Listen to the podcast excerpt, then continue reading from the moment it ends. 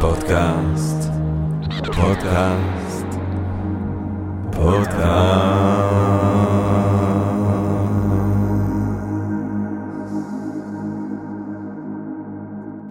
טוב, אמ, ערב טוב, גבירותיי ורבותיי, אה, לשידור המיוחד הזה של Think and Ring Different ו-Screens.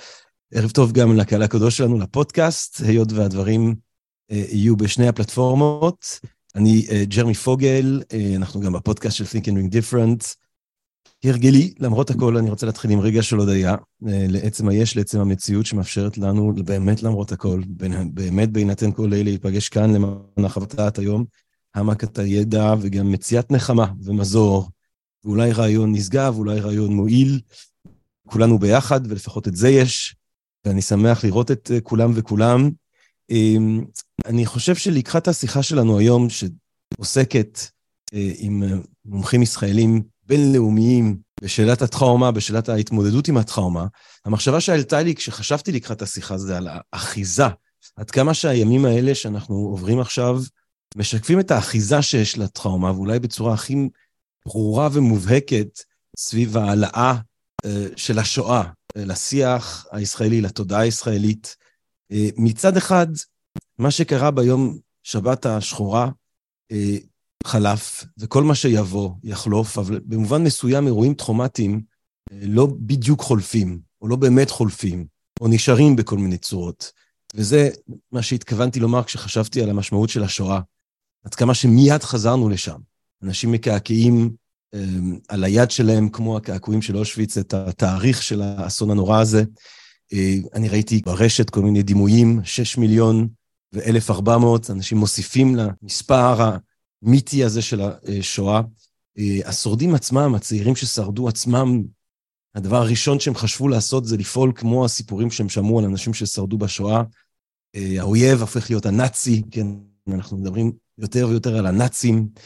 לטראומה של השואה פתאום מגלה את האחיזה הכה עמוקה שיש לה על הנפש הישראלית, ומן הסתם זה גורם לנו, אני חושב, לחשוב כבר עכשיו על איזה סוג של אחיזה יהיו על האירועים שאנחנו עדיין נמצאים בליבם אה, בנו.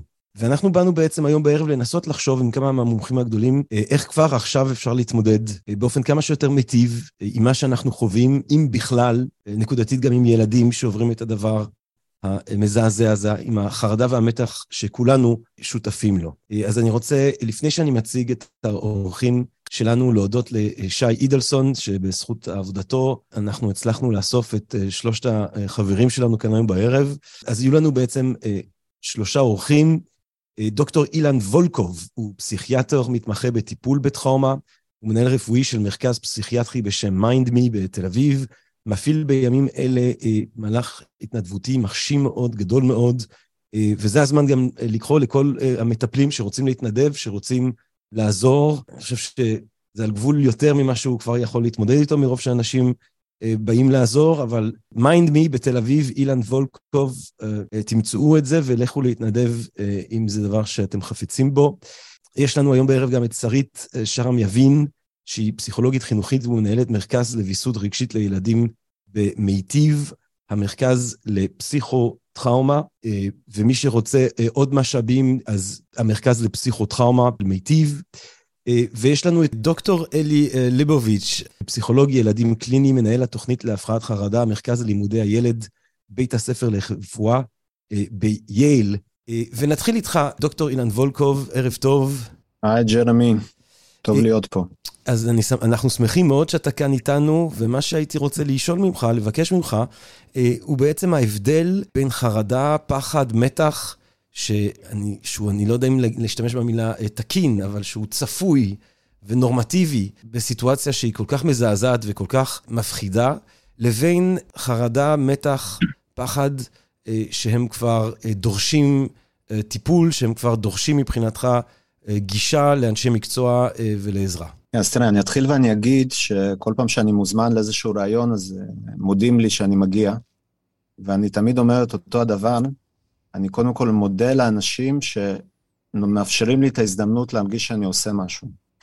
אני חושב שאם יש משהו ששומר אותי באופן אישי שפוי, זה שאני קם בבוקר ואני יודע שיש מישהו שיכול איכשהו לעזר בי, ואנחנו יודעים, יודעים גם ממחקרים של uh, זמני שגרה שהתנדבות והירתמות למען האחר, היא משפרת מאוד את איכות החיים, אפילו את אריכות החיים.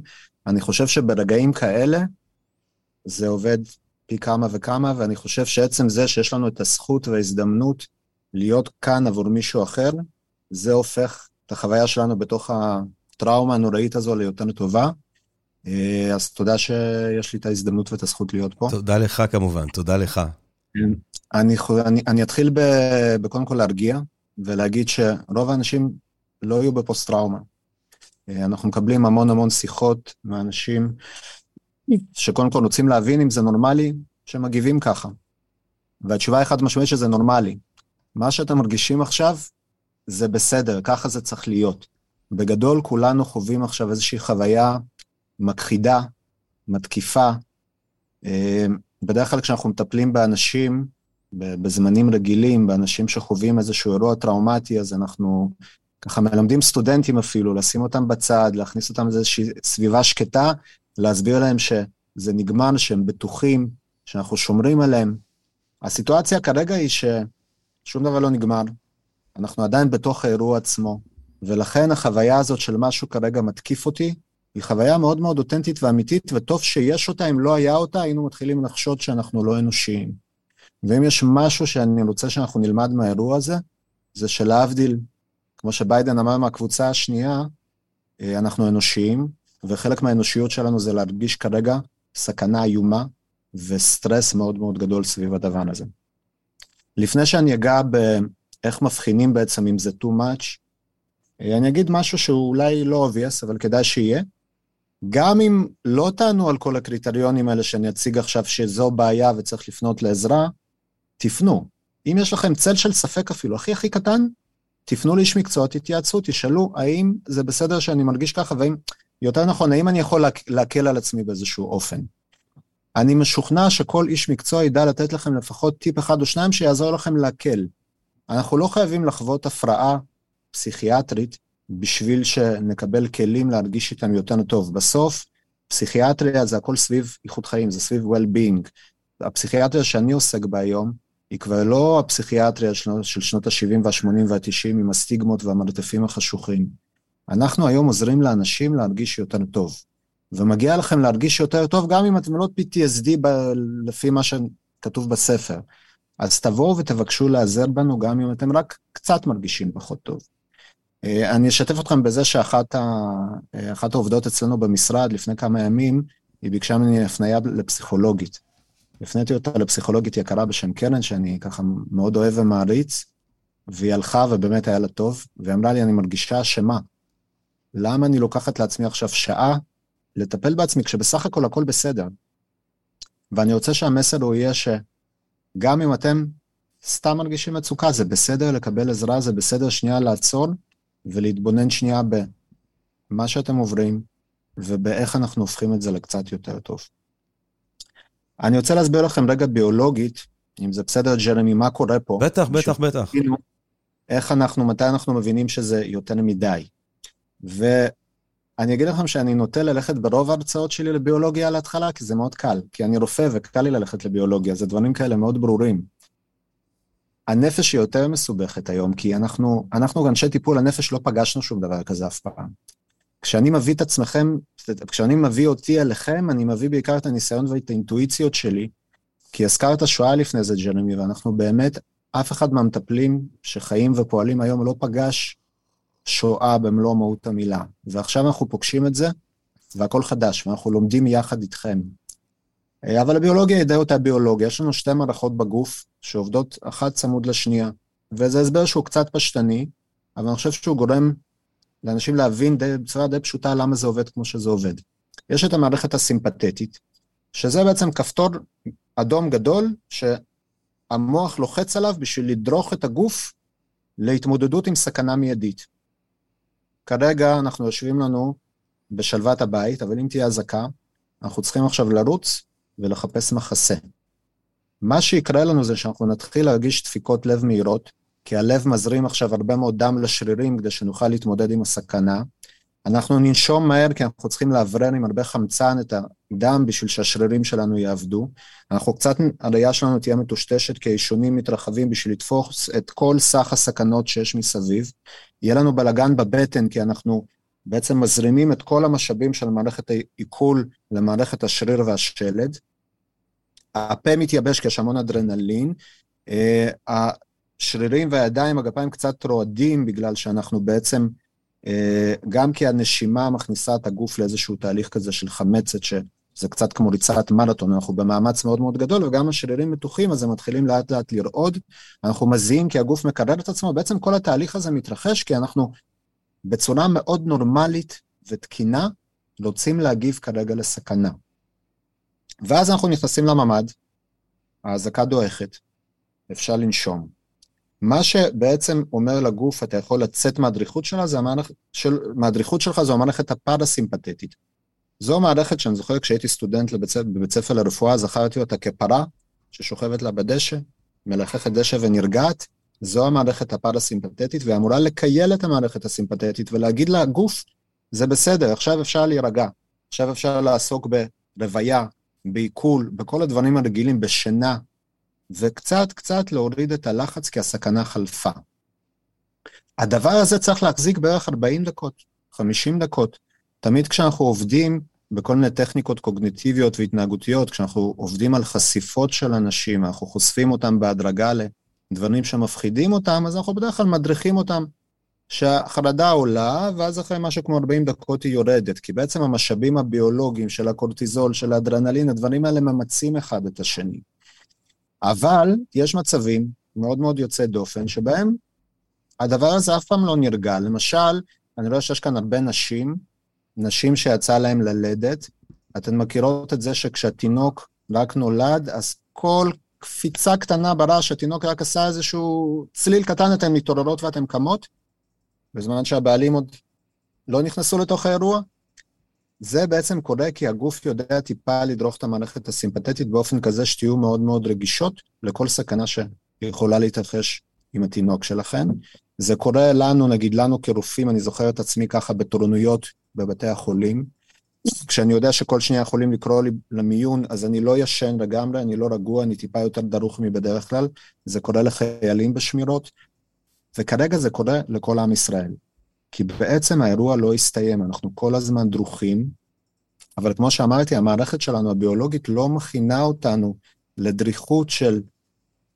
כי עוד מעט שבוע וחצי, אנחנו כבר הרבה מאוד ימים לתוך הדבר הזה, והדריכות הזו לא עוזבת, ואז אנחנו מרגישים בעיקר בעיקר נטשה.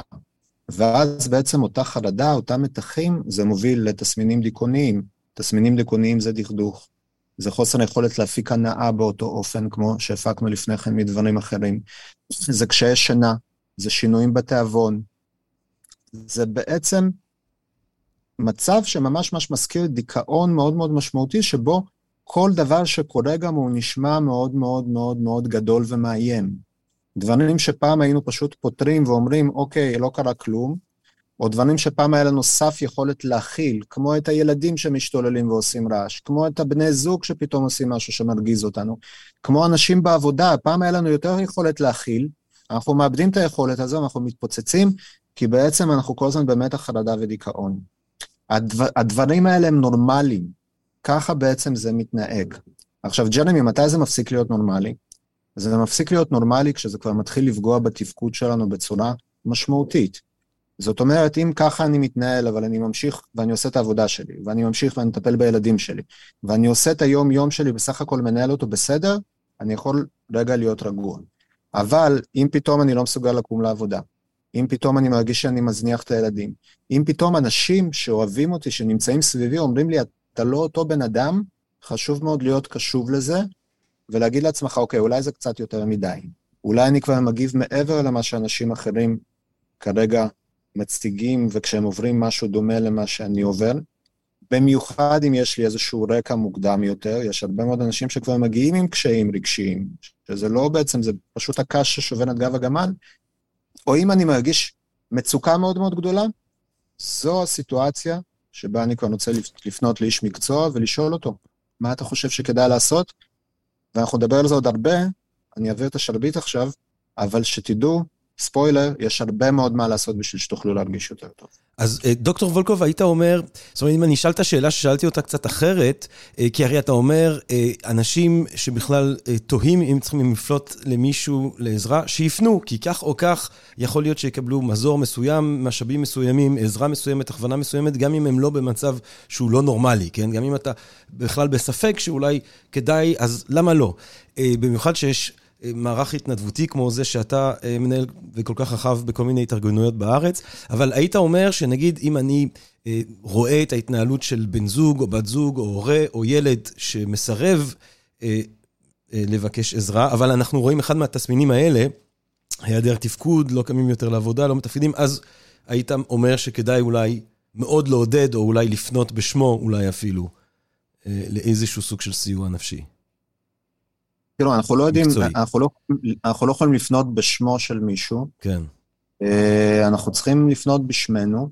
אנחנו כן נותנים לא מעט מענה היום לאנשים שמתקשרים ואומרים, אה, אחותי לא מרגישה טוב, משהו עובר עליה, בן הזוג שלי, או משהו עובר עליו. מה שאנחנו עושים, אנחנו בעצם מנחים, כמו שאנחנו עושים גם הדרכה של משפחות והדרכה של הורים ביום-יום, גם בזמנים יותר פשוטים, אה, לפנות לאיש מקצוע ולשאול אותו, איך לגשת, זה גם כן יכול להיות לשאת הרבה מאוד פירות ויכול להיות מאוד מתגמל. כי היות ואנחנו כן מנוסים, ותראו, אני חושב ש-50% מהעבודה שלי היא לרתום אנשים לטיפול. מגיע מישהו, הרבה פעמים, אתם יודעים, באים לפסיכיאטר, יוצא ציפרלקס, ואני עכשיו צריך לשבת ולהסביר לו 50 דקות, שציפרלקס הוא קצת כמו אקמול, הוא יכול להקל, אבל צריך לטפל בזה מהשורש, צריך לפנות לטיפול פסיכולוגי, וזה אנשים שלא מוכנים לפני זה ללכת לטיפול פסיכולוגי, צריך להיות בדיאלוג עם הפסיכיאטר שלך, לא סתם לבוא ולקבל ציפרלקס, צריך להיות איתו בקשר ולבנות קשר טיפולי יציב, צריך להוריד מתחים בחיים, צריך לאכול בתזונה בריאה, אה, צריך אה, לעשות פעילות גופנית. יש פה תהליך שלם, הנפש היא מורכבת, צריך לעטוף אותה מהרבה מאוד, מאוד כיוונים, ו-50% מהזמן שלי זה בעצם לייצר את הדיאלוג הזה. אני יכול לעזור לכם גם לייצר את הדיאלוג הזה עם מישהו שאתם אוהבים, ושעובר משבר, כי גם מהצד יש דרך יותר מדויקת ונכונה לתמוך. אז תתייעצו. תודה רבה. Uh, תודה רבה, uh, אילן. אנחנו נעבור עכשיו לשרית uh, שרם יבין, פסיכולוגית חינוכית, כאמור, שמת, שמתמחה בגיל הרך. ואני רוצה באמת לשאול אותך, בנוגע לגיל הרך, איך היית אומרת, שהם, או מה הם מבחינתך המאפיינים הייחודיים אה, לתקופה הזאת סביב השאלה של הטראומה. כן, uh, תודה. Um, אני אגיד שזה מעניין, אני לא מתמחה בגיל הרך, אני פשוט בשנים האחרונות uh, משתכנעת יותר ויותר ש, שזה העתיד, הגיל הרך זה העתיד, uh, ושיש לנו תפקיד מאוד מאוד חשוב בלפתח ולהשקיע בגיל הרך. Um, וזה מאוד מעניין, כי לפני כמה שנים, עד לא כל כך מזמן הייתה איזושהי אמונה מוטעית שילדים בגיל הרך הם חסינים בפני טראומות, הם לא מבינים מה קורה, בגלל שהם לא מבינים אז זה פחות משפיע עליהם. והיום אנחנו יודעים שזה כמעט ההפך הוא הנכון. אמ, בעצם, אחד הדברים ש, שמגנים עלינו אמ, זה היכולת לפרש את המציאות, לתת למציאות אה, פשר, אה, לתת לזה משמעות. ומה שקורה בגיל הרך זה שהמערכת המוחית אה, היא עדיין בשלבים ראשוניים של התפתחות. אה, מערכת העצבים עדיין מתפתחת, כל המערכת הזאת של איך להגיב לדחק, איך להגיב לסטרס, כמו שתיאר אה, דוקטור וולקוב לפניי, כל הדבר הזה הוא עדיין בהתפתחות ולכן המערכת הרבה יותר פגיעה, הרבה יותר רגישה. ואני רוצה להגיד, מעבר לזה שאנחנו יודעים היום שילדים בגיל הרך, וגם בגילאים אה, הצעירים עד גיל ההתבגרות, הם, הם, הם לגמרי הם לא חסינים בפני השפעות של טראומה. אה, אני רוצה להתחבר למה שאמר דוקטור וולקוב בנושא של, של החוסן, שבעצם למרות שיש סיכון מוגבר אה, לטראומה אצל ילדים בגיל הרך, עדיין יש את המושג של החוסן, שהוא מושג מאוד מאוד חשוב. ובעצם המושג של חוסן זאת התשובה לשאלה איך, אמ, איך זה יכול להיות שאנשים חווים דברים מאוד מאוד קשים, אמ, ועדיין רוב האנשים לא מפתחים, לא מפתחים PTSD, לא מפתחים אפילו PTS משמעותי שמצריך טיפול. אנשים, גם ילדים בגיל הרך, גם מבוגרים, גם אנש, אה, חיילים לוחמים, הרבה מהם יחוו חוויות מאוד מאוד קשות, תהיה להם את התקופה הזאת, שמה שכולנו חווים עכשיו, של שינוי בתיאבון, שינוי בשינה, תחושות ש, של, של חוסר אונים, תחושות של עצב, כל הדברים האלה יקרו, אבל אחוז מאוד גבוה של בני האדם יחזרו לתפקוד תקין. ומאוד מאוד חשוב לזכור את זה, לקחת את זה בפרספקטיבה, להגיד קצת, אני חוזרת על מה שנאמר, מה שחווים עכשיו זה נורמלי, אז יש את התגובות של עכשיו שהן לא, נורמלי, לא נורמליות או קיצוניות מדי או פוגעות בתפקוד, ואז צריך לחשוב איך מתמודדים עם זה, אבל יש גם את הראייה של הטווח של הזמן של האם זה משתפר. האם עוד חודש מעכשיו אני עדיין ארגיש אותו דבר? רוב הסיכויים שלא. ואחד הדברים שנורא מעניינים שקורים זה שאפשר לראות אפילו אה, בכמעט שבועיים שחלפו, אני חושבת שכולנו יכולים לשים לב שכל יום הוא קצת שונה מהיום הקודם. וכל עוד כל יום הוא קצת שונה מהקודם, ויש איזשהו שינוי בתפיסה, שינוי בהרגשה, זה סימן די טוב. זה סימן שיש איזושהי התמודדות, זה סימן שיש איזושהי תנועה ולא היתקעות. כי טראומה במהות שלה זה היתקעות, זה תקיעה. זה אומר שאנחנו נשארים באותו מצב, והאירוע שהתרחש, או אירועים שהתרחשו, לא עוברים לתוך הזיכרון ארוך הטווח. מה שקורה זה שזה נשאר כמשהו שהוא כאן ועכשיו, ולא מתאוששים ממנו. Hmm. אוקיי. אה, אז, אז באמת רציתי לשאול, אמרת מקודם שהייתה תפיסה פעם שתינוקות או ילדים בגיל הרך, בגלל שהם לא לגמרי מבינים מה קורה, והם לא יודעים, לצורך העניין עכשיו עזה וישראל וחמאס, וזה, וזה הכל מאוד מופשט וקצת אה, רחוק באיזושהי צורה, הם לא חווים טראומה, אז הם חווים טראומה אחרת. ואת אומרת, לא. אה, מן הסתם אנחנו רואים שגם בגיל הזה אירועים יכולים להיות טראומטיים. תהיתי פשוט, איך זה שונה? זאת אומרת, איך הטראומה היא מטווחת אם היא לא אה, מונחחת דרך הבנה של המציאות? לצורך העניין, אני יכול להיות טראומטי, כי אני רואה את התמונות בטלוויזיה, אני מבין אותן, אני יודע לפרש אותן, אני, אני, אני, יודע, אני יכול להיות מפורש, כי אני מבין קצת גיאופוליטיקה, איראן, חזבאללה. אם אני תינוק בן שנתיים, בן שנה, הדברים האלה, אני מניח שאי אפשר להבין אותם. אז זה אווירה בבית, אה, אני כמובן לא מדבר על הסיפורים הנוראים, שאז זה ברור התשובה, אבל... אה, זה אווירה בבית, זה, זה איך שההורים מתנהלים. אם, אם זה לא פגיעה ישירה, מאיפה, מאיפה תגיע הטראומה בגיל הזה? ואיך אפשר לנסות למנוע אותה? כן, אז קודם כל חשוב להגיד ש, אמ, שבאמת יש הבחנה בין, אני אגיד, עורף וחזית, למרות שהיום יש אזורים מאוד מאוד אה, אה, רבים במדינת ישראל שחוו אפילו אזעקה אחת או שתיים, זה כבר אירוע שהוא, יש לו פוטנציאל, אה, פוטנציאל טראומטי, כי זה אירוע דחק, זה אירוע שמשפיע על הילדים. אבל אתה מאוד צודק כשאתה אומר שכשילדים לא חווים את זה בצורה ישירה, לא חווים איום ממשי ומיידי על החיים שלהם, לא בצורה כזאת שהם יכולים להבין, אז למה זה בכל אופן משפיע עליהם? אה, והתשובה היא ש, שבעצם ילדים אה, מגיל מאוד מאוד צעיר, הדרך שלהם אה, להחליט או, או, או, או להרגיש שמשהו בטוח או מסוכן, זה דרך ההורים או דרך דמויות ההתקשרות. זה דרך המבוגרים שנמצאים סביבם ומגינים עליהם. Mm. עכשיו, ברגע שהמבוגרים מסביב מרגישים לא מוגנים, לא בטוחים, נבהלים, רצים לממ"ד, הילדים בגיל צעיר מאוד, גם בגיל הרך, חווים את זה ומגיבים לזה. הם רואים את השינויים האלה. אני, אני רוצה ככה להגיד שאחד הדברים אה, ככה שאנחנו עשינו בתקופה הזאת במטיב, אה, במטיב ילדים, איפה שאני עובדת, זה בעצם אה, הקמנו רשת של קבוצות וואטסאפ להורים למענה על שאלות. אמ, והסיבה לזה היא שאחד הדברים שמאוד מאוד עוזרים לילדים, זה באמת בעצם התיווך של ההורים. ואחד הדברים שנורא נורא חשובים זה היכולת של ההורים לווסת את הרגשות שלהם. אנחנו ממש רואים לאורך זמן ממחקר של ילדים שגדלו באזורי מלחמה, באזורי של, אה, באזורים של מתח ביטחוני, בעצם כל ילדי עוטף עזה עד לפני שבועיים, שמה שאנחנו רואים שמנבא הכי טוב את ההסתגלות של הילדים, זה היכולת, לא הפוסט-טראומה של, של ההורים, לא הדיכאון של ההורים, אלא יכולת הוויסות הרגשי. היכולת של ההורה עכשיו להרגיש בחרדה ובלחץ, ולהגיד, רגע, שנייה, עכשיו אני צריך או צריכה להיות כאן בשביל הילד שלי. עכשיו יש אזעקה, אני נורא לחוצה, אבל אני צריכה להראות לילד שלי שמה שאנחנו עושים עכשיו זה אנחנו הולכים לממ"ד, ובתוך הזמן הזה בממ"ד אני אצליח להרגיע את עצמי בשביל להרגיע את הילד. וזה הדבר שמנבא את ההסתגלות של הילדים. אז התחלתי להגיד שפתחנו קבוצות וואטסאפ, ומה שאנחנו רואים שהשאלות שעולות שם בצורה הכי הכי משמעותית זה שאלות בנושאים של איך לתווך את המציאות הזאת לילדים.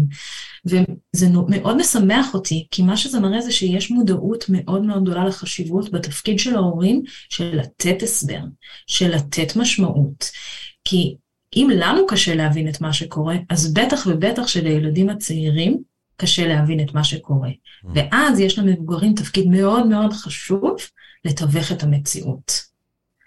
עכשיו, איך מתווכים את המציאות הזאת כשלנו, עצמנו, קשה לתת הסבר, קשה לתת פשר, קשה להכיל את כל האירועים הקשים שקרו? זאת שאלה שהיא, שהיא, שהיא קשה, אמ, אבל יש לה תשובה. יש לה תשובה, ו, ו, וקודם כל, חשוב להגיד שהרבה מאוד הורים אם הם ישתמשו באינסטינקט הטבעי שלהם, בהורות הטבעית, במה ש... אה, מה. אה, המאפיינים הטבעיים של ההורות, חלק גדול מהזמן זה יהיה good enough. כל עוד, כל עוד, זה יש התקשרות טובה, יש תקשורת טובה בין ההורה לילד, ויש את היכולת באמת להסביר את מה שקורה בשפה שהילדים מבינים. וויסות, אה, וויסות רגשי. אה, אני, אני רוצה לשאול כן. אותך בנוגע, אמרנו באמת אה, על העורף או החזית, מן הסתם, לצערנו הרב ולזעזוענו הגמור, ילדים קטנים הם ממש בחזית באירוע הנוכחי. אם זה הילדים, קשה אפילו לדמיין את זה, שהם חטופים, אם זה ילדים שממש ראו את בני המשפחה שלהם נפגעים, שנפצעו בעצמם. יש לי חבר במצפה רמון שאומר שהמון... מהילדים, שפתאום הגן במצפה רמון הוא ככה הרבה יותר תוסס, כי יש הרבה ילדים שמגיעים אה, מהקיבוצים וכולי. ואני, ואני שוב חושב, שוב מתוך זה שזה אולי הרפרנס המיידי על אנשים מאוד מבוגרים שהיו כילדים קטנים מאוד בשואה, שהם היו כ... בגיל הרך בשואה, ועדיין איכשהו זה משפיע עליהם, גם אם הזיכרונות שלהם מאוד מאוד אה, לא ברורים. איך, איך, איך מתפתח טראומה שאתה אה, אולי אפילו בקושי זוכר אותו. אה, איך, מה אנחנו יודעים על, על, על ההשפעה של הדבר הזה לטווח ארוך, ומה שנכון לעשות בשנים הראשונות אה, אחרי האירוע הזה, כדי לקוות שיותר מאוחר בחיים הבוגרים, ההשפעה של זה תהיה כמה שפחות הרסנית או שלילית. אז קודם כל, אני חושבת שחלק מהעניין זה שוב התפקיד של דמויות ההתקשרות בלתווך את האירוע ולספר סיפור. ילדים כבר בגיל מאוד מאוד צעיר יכולים להבין אה, סיפורים יש לנו ספרות ענפה, ו- ומה שאני הרבה פעמים אומרת להורים שאני עובדת איתם, זה תספרו את מה שקרה לילדים כמו סיפור. כאילו תדמיינו שיש עכשיו ספר ילדים שלוקח את החמש דקות האלה מהרגע שהייתה אזעקה עד שיצאתם מהמרחב המוגן. פשוט תספרו סיפור. תגידו, אנחנו ישבנו ואכלנו ארוחת בוקר, ואז וואי, היה איזה רעש כזה מוזר, ואת ראית שאימא נורא נבהלה. וזה היה לך מאוד מוזר, את לא הבנת. את גם לא אהבת את הרעש, ופתאום ראית שגם אימא נבהלה. ואז מה עשינו? פתאום אמא לקחה אותך באמצע הביס והלכנו לחדר של הממ"ד וזה היה נורא מוזר, אוקיי? לתת איזשהו סיפור כזה. ברגע שעושים את הדבר הזה, אנחנו מאפשרים גם לילדים מאוד מאוד צעירים לתת איזשהו נרטיב של התחלה, אמצע וסוף, מה שהם תמיד תלויים במבוגרים בשבילו, אבל כשזה אירועים שהם עם, עם, עם פוטנציאל רגשי אה, של רגשות עוצמתיים ולא נעימים, אז עוד יותר צריך את התיווך של המבוגר. ברגע שאנחנו עושים את הדבר הזה, או בתוך האירוע, או אחרי האירוע, זה, זה, זה יכול להיות גם לאחר זמן. וזה בעצם מה שאנחנו עושים בטיפול אחרי טראומה עם ילדים, גם עם טראומות מאוד מאוד קשות. מה שאנחנו עושים זה שאנחנו מספרים את הסיפור בנוכחות של מבוגר, שהוא משמעותי עבור הילד או הילדה, אנחנו מספרים את הסיפור ונותנים מקום לרגשות שעולים שם. Mm. אוקיי? Okay? וברגע שעושים את הדבר הזה, אז זה מאפשר למוח להבין שבעצם הייתה סכנה, והסכנה חלפה. היה אירוע, עכשיו הכל בסדר. כל הזמן זה הוויסות, הוויסות של הלהבין, של לעשות את ההבחנה בין מה שהיה למה שעכשיו.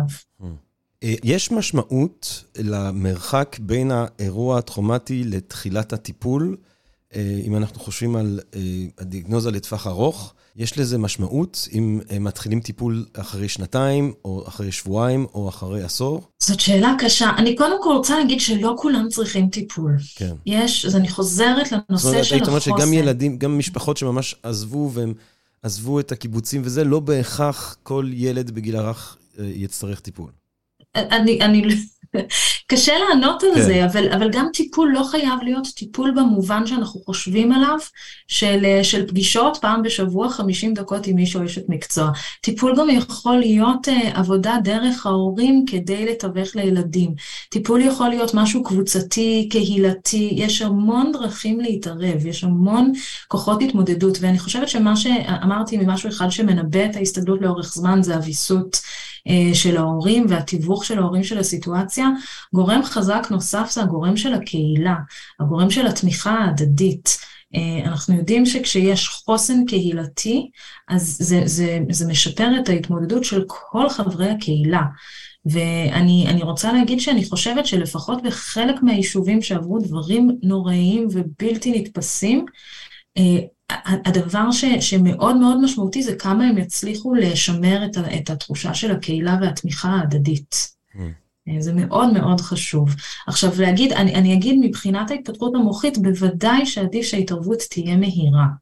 אבל צריך גם לקחת בחשבון שעבור חלק מהילדים, וגם עבור חלקנו, האירוע עוד לא בדיוק נגמר. לא, בוא, להפך. אנחנו עדיין בתוך האירוע. אנחנו עדיין בתוך האירוע. אנחנו אפילו רק בהתחלה, אי אפשר לדעת. כן, ואז צריך להסתכל על זה ברזולוציות שונות, נכון? יש את האירוע של הוואו, היום הראשון, אחר כך משהו קצת השתנה, אבל אנחנו עדיין לא יודעים מתי זה ייגמר, ואז כן. יש את הרזולוציות של, אה, כמו שאמרתי, לתת סיפור על החמש דקות של האזעקה והלכנו לממ"ד, ויש את הרזולוציה של לתת את הסיפור של כל הדבר הזה שקרה, של יצאנו לחופשת סוכות, ואז פתאום לא חזרנו לגן, ועכשיו אנחנו הכל מוזר ושונה ואחר, ולא כמו שהתרגלנו ולא כמו שציפינו, ואיזה מבאס זה ואיזה נורא זה. ולצד זה, לצד זה, אחד הדברים הכי משמעותיים, גם עבור מבוגרים אגב, אבל יותר בולט אצל ילדים, זה הנושא של, ה, של המשחק, של היכולת של המשאבים הטבעיים של ההתמודדות. Mm. ואצל ילדים אנחנו יכולים לראות שהרבה פעמים הם יכולים רגע אחד להיות בכמה זה קשה וכמה זה נורא, ורגע אחר הם כבר עברו לשחק ולצחוק על משהו. Mm. וגם אצלנו המבוגרים, חלק מההתמודדות הטבעית, זה זה שגם אם אנחנו חווים דברים נורא קשים, פתאום יהיה איזה רגע כזה שצחקנו ממשהו, או יהיה איזה רגע שיכולנו אפילו אה, הומור שחור על מה שקורה. זה סימן מאוד מאוד טוב. הסימן של ה... ה, ה זה, זה אחד מהסימנים שאנחנו מתמודדים עם מה שקורה ושיש את הבריאות הנפשית שהיא, שהיא נמצאת שם. אה, וכוחות החיים ולא רק הכוחות של הייאוש. אה, אמן. אה, תודה שרית, אנחנו אה, נחזור אלייך כמובן בהמשך. דוקטור אלי ליבוביץ', שלום רב. אה, אני רוצה איתך לדבר באמת על, על הורים וילדים, אבל לפני שאני מדבר על הורים וילדים, אני רוצה לדבר על ההורים לכשעצמם, כי אני חושב שהרבה חושבים על ההורים באמת רק דרך הפונקציה של איך הם יכולים לתפקד אה, ולהטיב עם ילדיהם, אבל אני חייב לומר שמה שאני שומע מהרבה מהחברים שלי, הורים לילדים צעירים, שהם אומרים, אה, הדבר היחידי שקשה לי זה הילדים. זאת אומרת, שנדמה לי שהסיטואציה הזאת, של אפשרות של, של מלחמה, מלחמה כלוללת וכולי, היא קשה עוד יותר אה, להורים, אולי ספציפית גם להורים לילדים יחסית צעירים, כי הם מרגישים אחריות, הם לא כל כך אולי דואגים לעצמם, הם דואגים לילדים, והדאגה הזאת יכולה להיות חריפה יותר אה, מאשר דאגה שלי לעצמי. אה, איך, איך מתמודדים עם הדאגה המתמידה הזאת, המדחיפה הזאת, אה, לבריאותם ולשלוותם של הילדים? כן, קודם כל אני רוצה להודות, אה, זו הזכות להשתתף במפגש הזה. אה, באמת כבוד וזכות בשבילי. אה, השאלה שלך היא טובה. להיות הורה זה מרכיב מאוד משמעותי בזהות של, של בן אדם. חלק גדול מהאופן שבו הוא רואה את עצמו, הרבה אנשים, תשאל אותם, ספר לי מי אתה, ויספרו מה הם עושים, אולי עבודה, בדיקה מהם, ועל המשפחה, הילדים, כי זה חלק מאוד משמעותי בזהות שלנו. וכשמשהו מאיים פיזית וגם נפשית על הילדים שלנו, אנחנו כמובן מפוקסים בזה באופן מאוד מאוד, מאוד מאוד קיצוני. אני חושב שקודם כל חשוב לכולנו לזכור שלא הכל, לא הכל בשליטתנו. אם יש משהו שלמדנו בימים האלה, זה בטוח שלא הכל בשליטתנו. זה כולל גם את מה, מה, מה התגובה עכשיו של הילד שלי, מה המצב רוח שלו כרגע, איך הוא מרגיש. ילדים, אין להם, אה, לא, לא באים עם, עם, עם אה, איזה שלטר או איזה מתג שאתה בתור הורה יכול לשים עליו יד ולהחליט מהי התחושה שלו, המצב שלו, אפילו המצב הנפשי שלו ברגע נתון. וזה אומר שאם אין לך שליטה על זה, זה אומר שאתה גם לא יכול להיות במאה אחוז אחראי על זה. אתה יכול לעשות את הדברים בצורה הכי טובה, לנסות לקייל את ההתנהגות שלך בצורה הכי נכונה, אבל זה לא תמיד יבטיח שהדברים ילכו בדיוק באופן ש, שאתה רוצה. וגם חשוב מאוד לזכור שכדי להיות שם בשביל ילד, הורה חייב להיות שם בשביל עצמו. הוא לא, אתה לא יכול לדאוג רק לשלום מישהו אחר, בסוף אתה גם לא עוזר לו בצורה הזאת. כמו שכולנו מכירים מה, מהמטוס, שמים את המסכת חמצן, קודם אתה שם לעצמך, ואז אתה שם למי שיושב לידך, או אפילו לילד שלך. כי הילד צריך אותך, והוא צריך אותך בריא.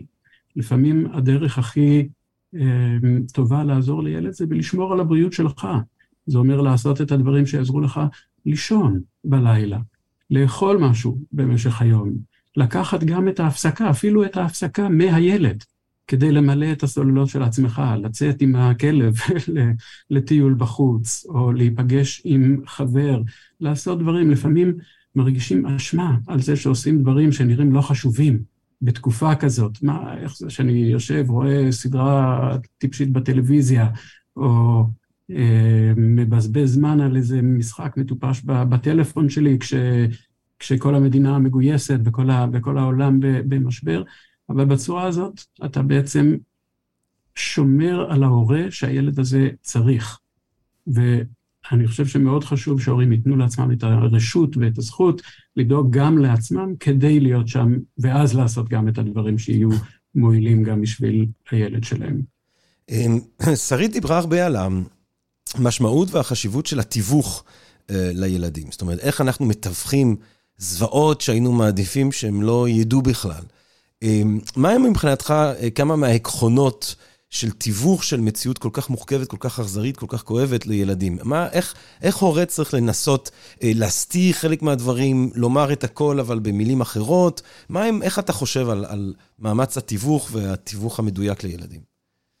כן, אני, אני חושב שכשבאים לדבר על איך, איך לדבר עם ילד על דברים שהוא ראה בעצמו או בטלוויזיה או שומע, אני חושב שחשוב מאוד לזכור שלא רק המילים שאנחנו אומרים הם מה שמשפיעים על מה שהילד יחווה. זה, אני בטוח ששרית אה, אה, הייתה מסכימה שזה נכון בגיל הרך.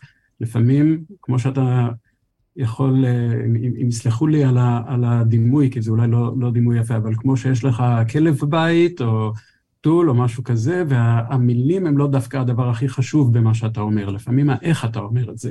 זה גם חשוב. אז לדעתי, לפני שבכלל באים לדבר, קודם כל הורה, טוב שיבדוק את עצמו. באיזה מצב, אה, באיזה, האם זה הרגע הנכון בשבילי לעשות שיחה עם הילד שלי על מה שקורה? האם אני יכול להיות לא במאה אחוז סטרס? לא, לא צריך להיות uh, רגועים לגמרי, אף אחד מאיתנו לא רגוע לחלוטין. אבל אם אני יכול להוריד את הסטרס שלי 10 אחוז, 15 אחוז, לחשוב על הטון שבו אני מדבר, אם אני יכול להתיישב ולהסתכל לילד פנים מול פנים, לא לעמוד מעליו, גובר מעליו באיזשהו לחץ, כי חשוב לי לתווך לו את העולם ברגע הזה, זה לא, זה, זה לא תיווך, זה, זה הנחתה. אז לקחת את, ה, את הנשימה או שתיים, לשבת, ולא רק התשובה לאיך לדבר עם ילד, לפעמים התשובה הזאת, הילד ייתן לנו אותה. לא, לא תמיד אנחנו בתור ההורים יכולים לדעת מה השפה הנכונה. אפשר להקשיב לילד. מה השאלות שהוא מעלה? מה המילים שהוא משתמש בהם? הוא או היא כמובן, אבל יש הרבה רמזים שאפשר לקבל במקום להכין טקסט של מה אני הולך להגיד ולשנן אותו בראש, ואז לבוא ולהגיד אותו לילד, אפשר לשאול כמה שאלות על מה הוא חושב, מה עובר לו בראש, מה מסקרן אותו במה, ש, במה שקרה. אם יש משהו שאולי הוא לא יודע, או מלחיץ, או מטריד אותו, או מסקרן אותו, אז אה, ילדים הרבה פעמים ייתנו לנו את הרמזים לאיך לדבר איתם, כי אין טקסט אחד שהוא יתאים הרי לכל הילדים. ילדים הם שונים אחד מהשני. אז אה, בזה שאנחנו מקשיבים להם, מאוד אה, יכול לעזור על השיחה הזאת. עכשיו, מבחינת התוכן עצמו, אה, ועוד משהו אחד אני רוצה להגיד, או, או, אם תרשה לי עוד... בטח, בטח, בטח. התוכן, אני חושב שמאוד מאוד מאוד חשוב לזכור שילדים מקשיבים לא רק כשאתה מדבר איתם, גם כשאתה מדבר לידם.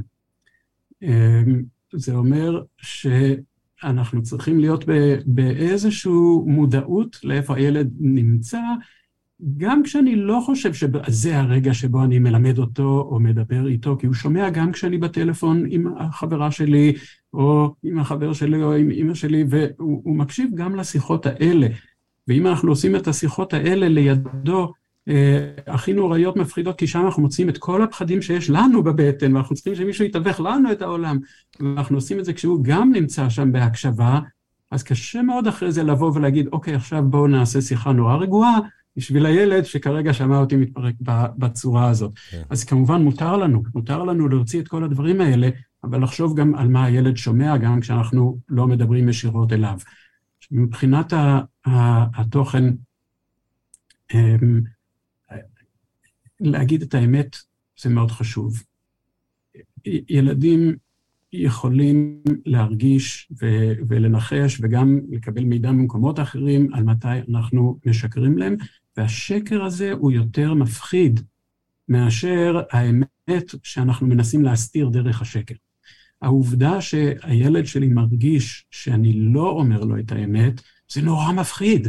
כי אם אני לא יכול להגיד לו את האמת, אז מה הדבר הזה שאני מסתיר ממנו וכמה זה נורא, אם אי אפשר אפילו לדבר, וזה גם, אה, זה גם מודל לילד, כי זה מלמד אותו שלא אמורים להגיד את מה שבאמת חושבים, אם זה נורא מדי למי שישמע את זה, ואז גם הילד מתחיל לצנזר את עצמו בדיבור, במחשבות.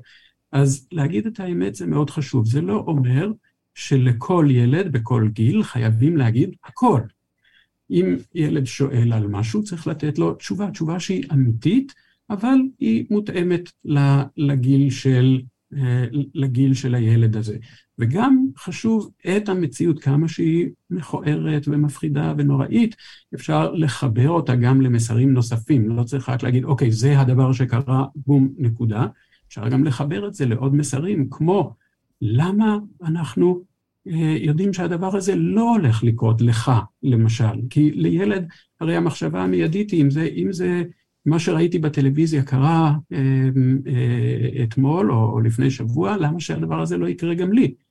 אז אפשר לתת את כל התשובות האמיתיות וה, והכנות, כמובן בהתאמה לגיל, אבל אפשר גם לחבר את זה למה אנחנו עושים כדי שלנו זה לא יקרה, יש כן לשקם גם את האמון הזה ב, ב, ב, ב, ב, במושג הזה שיש כן חיילים ש, ששומרים עלינו, זה דבר שהוא חשוב עם, עם כל השיחות שלנו על, שהילד שומע היא רק על כמה הצבא אכזב אותנו, כמה הממשלה אכזבה אותנו. בסופו של דבר אלו כן אמ, מוסדות וגופים שאנחנו צריכים לסמוך עליהם ושילד צריך לדעת שהם שם, צריך להאמין שההורים שלו שם בשביל אה, לשמור עליו שהוא כן נמצא, שאנחנו נוקטים את כל האמצעים כדי לשמור על הביטחון שלנו, כי אנחנו רוצים להיות בטוחים, לא כי אנחנו בפחד שהנורא מכל הולך מיד אה, לקרות גם, אה, גם עבורנו. אמ, אני חושב שכמה עקרונות מבחינת השיחה עם, הילד. אז, זהו, אני, ואני מרגיש שעד כה אולי הילד שאנחנו מדמיינים אותו אה, בשיחה שלנו הוא ילד יחסית אה, צעיר. אני רוצה לשאול אותך דווקא אולי אה, לגבי גיל שהוא גם ככה גיל יותר מורכב, אה, מורכב, כן? אה, אם זה גיל ההתבגרות, שבה הרבה פעמים גם היחסים עם הילד או הנער או המתבגרת, המתבגר, הם גם ככה הרבה יותר מורכבים. יכול להיות שרגע לפני שכל הטירוף הזה התחיל בכלל, כמה חודשים לא דיברנו. אה, אני בכלל חושב על משפחות שבהן אה, טיב הקשר הוא אולי הוא מורכב, אולי זה משפחות שבהן היה גירושים קשים והורים שלא מסתדרים ומתחים ו, ו, ומטענים. תדבר איתנו קצת על התמודדות באמת עם, אה, עם הגיל הזה, עם הגיל יותר מרדני ואולי עם אה, צעירים מתבגרים שלא בהכרח רואים בהורים שלהם דמויות כאלה אוטוריטטיביות. ועדיין נכון. צריך לתת איזשהו מענה לסיטואציה. נכון, ההתמודדות עם מתבגרים, אני בעצמי הורה למתבגרים ברבים, היא, היא תכסיס לא פשוט שאנחנו עושים אותו מדי יום, וחלק מהתכסיס הזה זה לזכור שבאותו זמן ובאותו רגע אנחנו בעצם מדברים עם מישהו שהוא גם ילד והוא גם מבוגר. זה, זה לא רק שאתה איפשהו באמצע, זה שאתה גם וגם. יש בך את, ה, את הילד, וגם, כן, זה אמיתי, יש בך גם את המבוגר, ואנחנו, זה אומר שלפעמים אנחנו צריכים לדעת עם מי אנחנו מדברים ברגע הזה. כי גם המבוגר, כשקורה משהו נורא קשה, לפעמים הוא צריך להיות הילד. ודרך אגב, להיות הילד זה לא רק להיות הילד הטוב, הילד שמחבק ומודה ועושה את הכל אה, כמו, ש, כמו שמבקשים. להיות הילד זה גם להיות זה שכועס על זה ששמים לו גבול, או זה שכועס על ההורה שלו, או עושה דברים שהם קצת מעבר למה שהיינו רוצים. לפעמים המתבגר צריך לחזור קצת למקומות האלה גם. אבל בוא, מצד שני, גם לפעמים הוא צריך להיות המבוגר. כלומר, זה שיש לו את הדעה העצמאית על מה שקורה, שלא בהכרח מאמץ את ההסתכלות שלנו על איך לפרש את הדברים. וכשמדברים עם, עם, עם, עם מתבגר, אני חושב שמאוד חשוב לראות עם מי אנחנו מדברים ברגע הזה, ולשאול שאלות, להתעניין בדעות שלו. יכולות להיות לו דעות, גם אם הדעות שלו הן לא תואמות את הדעות שלנו באותו, באותו רגע. אולי יש בו המון כעס והוא מביע את זה בצורה שאנחנו לא היינו מביעים, או אולי יש לו דעה שהיא אה, שונה, לכבד את זה, להתעניין בזה, זה מכבד את המבוגר שבתוך המתבגר, שבתוך המתבגר הזה, אבל להישאר גם מוכנים להיות כל הזמן ההורה של הילד גם, אם הוא צריך אותנו, אם הוא צריך כן להתפרק קצת. ומה שעוד אפשר לעשות עם מתבגר זה גם לראות את המקומות שבהם הוא יכול לר... אה, לרתום, לתרום ל, ל, לסביבה שמסביבו. זה, זה דבר שהוא מאוד מקל על, על מצוקה, זה דרך שהוא אה, טובה מאוד להתחבר לאנשים שמסביבך. זה יכול להיות תרומה שהיא ברמת המשפחה, לעזור לאח הקטן שעובר משהו מאוד קשה, לעזור להורה אפילו בהתמודדות, או לחברה שהיא מחוץ לבית הפרטי שלנו. יש הרבה, אה, הרבה אפשרויות להתנדב בצורות שונות, לעזור, לעזור בצורות שונות, גם אם זה ללכת ולדפוק על בית, לבקש ממתבגר למשל ללכת לדפוק על בית של שכן, על, ד, על דלת של שכן ולראות אם הם בסדר. זה אה, אה, אה, אלו דרכים לתת למתבגר להרגיש גדול, להרגיש שליטה על מה שקורה, להרגיש חזק מול מציאות שהיא מאוד קשה, אבל לקבל את זה שלפעמים להיות מתבגר זה לרצות לעשות הפוך ממה שההורה היה רוצה שיעשה mm. באותו רגע. וזה נכון, אגב, גם על מתבגרים וגם על ילדים קטנים, המטרה כרגע לא, צר... לא צריכה להיות רק אה, לשמח אה, את הילד. לפעמים כש, כשיש משהו נורא מפחיד, או קשה שעוברים, הורים נכנסים למצב של רק לעשות טוב, רק לשמח בכל צורה. ולפעמים אפילו הדבר הזה הוא קצת מלחיץ, כי זה לא הנורמה. אם, אם ביום-יום, לפני חודש ולפני חודשיים, הילד שלך יתווכח איתך על באיזה שעה ללכת לישון, אז גם עכשיו להתווכח איתך על באיזה שעה ללכת לישון, זה מרגיש נורמלי. ואם עכשיו זה פתאום, אוקיי, לך לישון מתי שאתה רוצה, כי המצב הזה, וכולנו עוברים משהו, בסופו של דבר זה מפרק את השגרה בתחושת הנורמלי שאנחנו רוצים להישען עליה.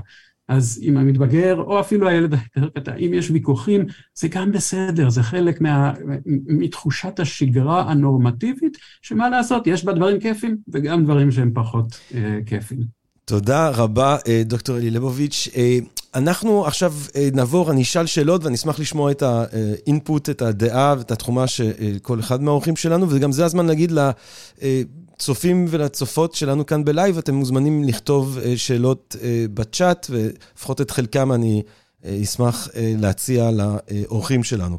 אני רוצה להתחיל עם...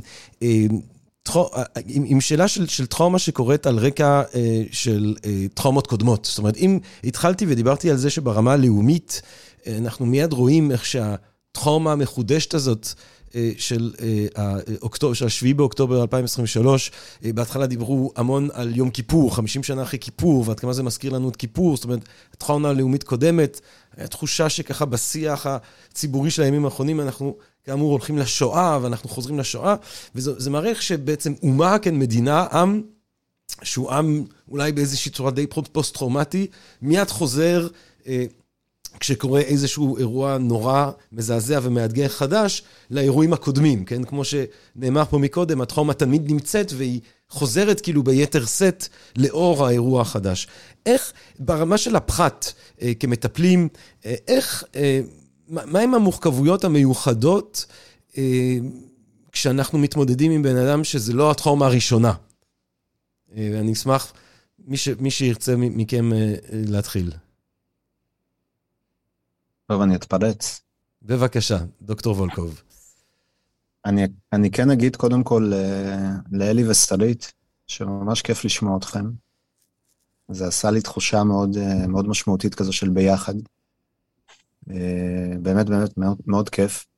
אני אגיד לצופים שלנו שמי שזה מתאים לו, אני חושב שאנחנו נשמח גם שתדליקו מצלמות בשביל שהביחד הזה יגדל.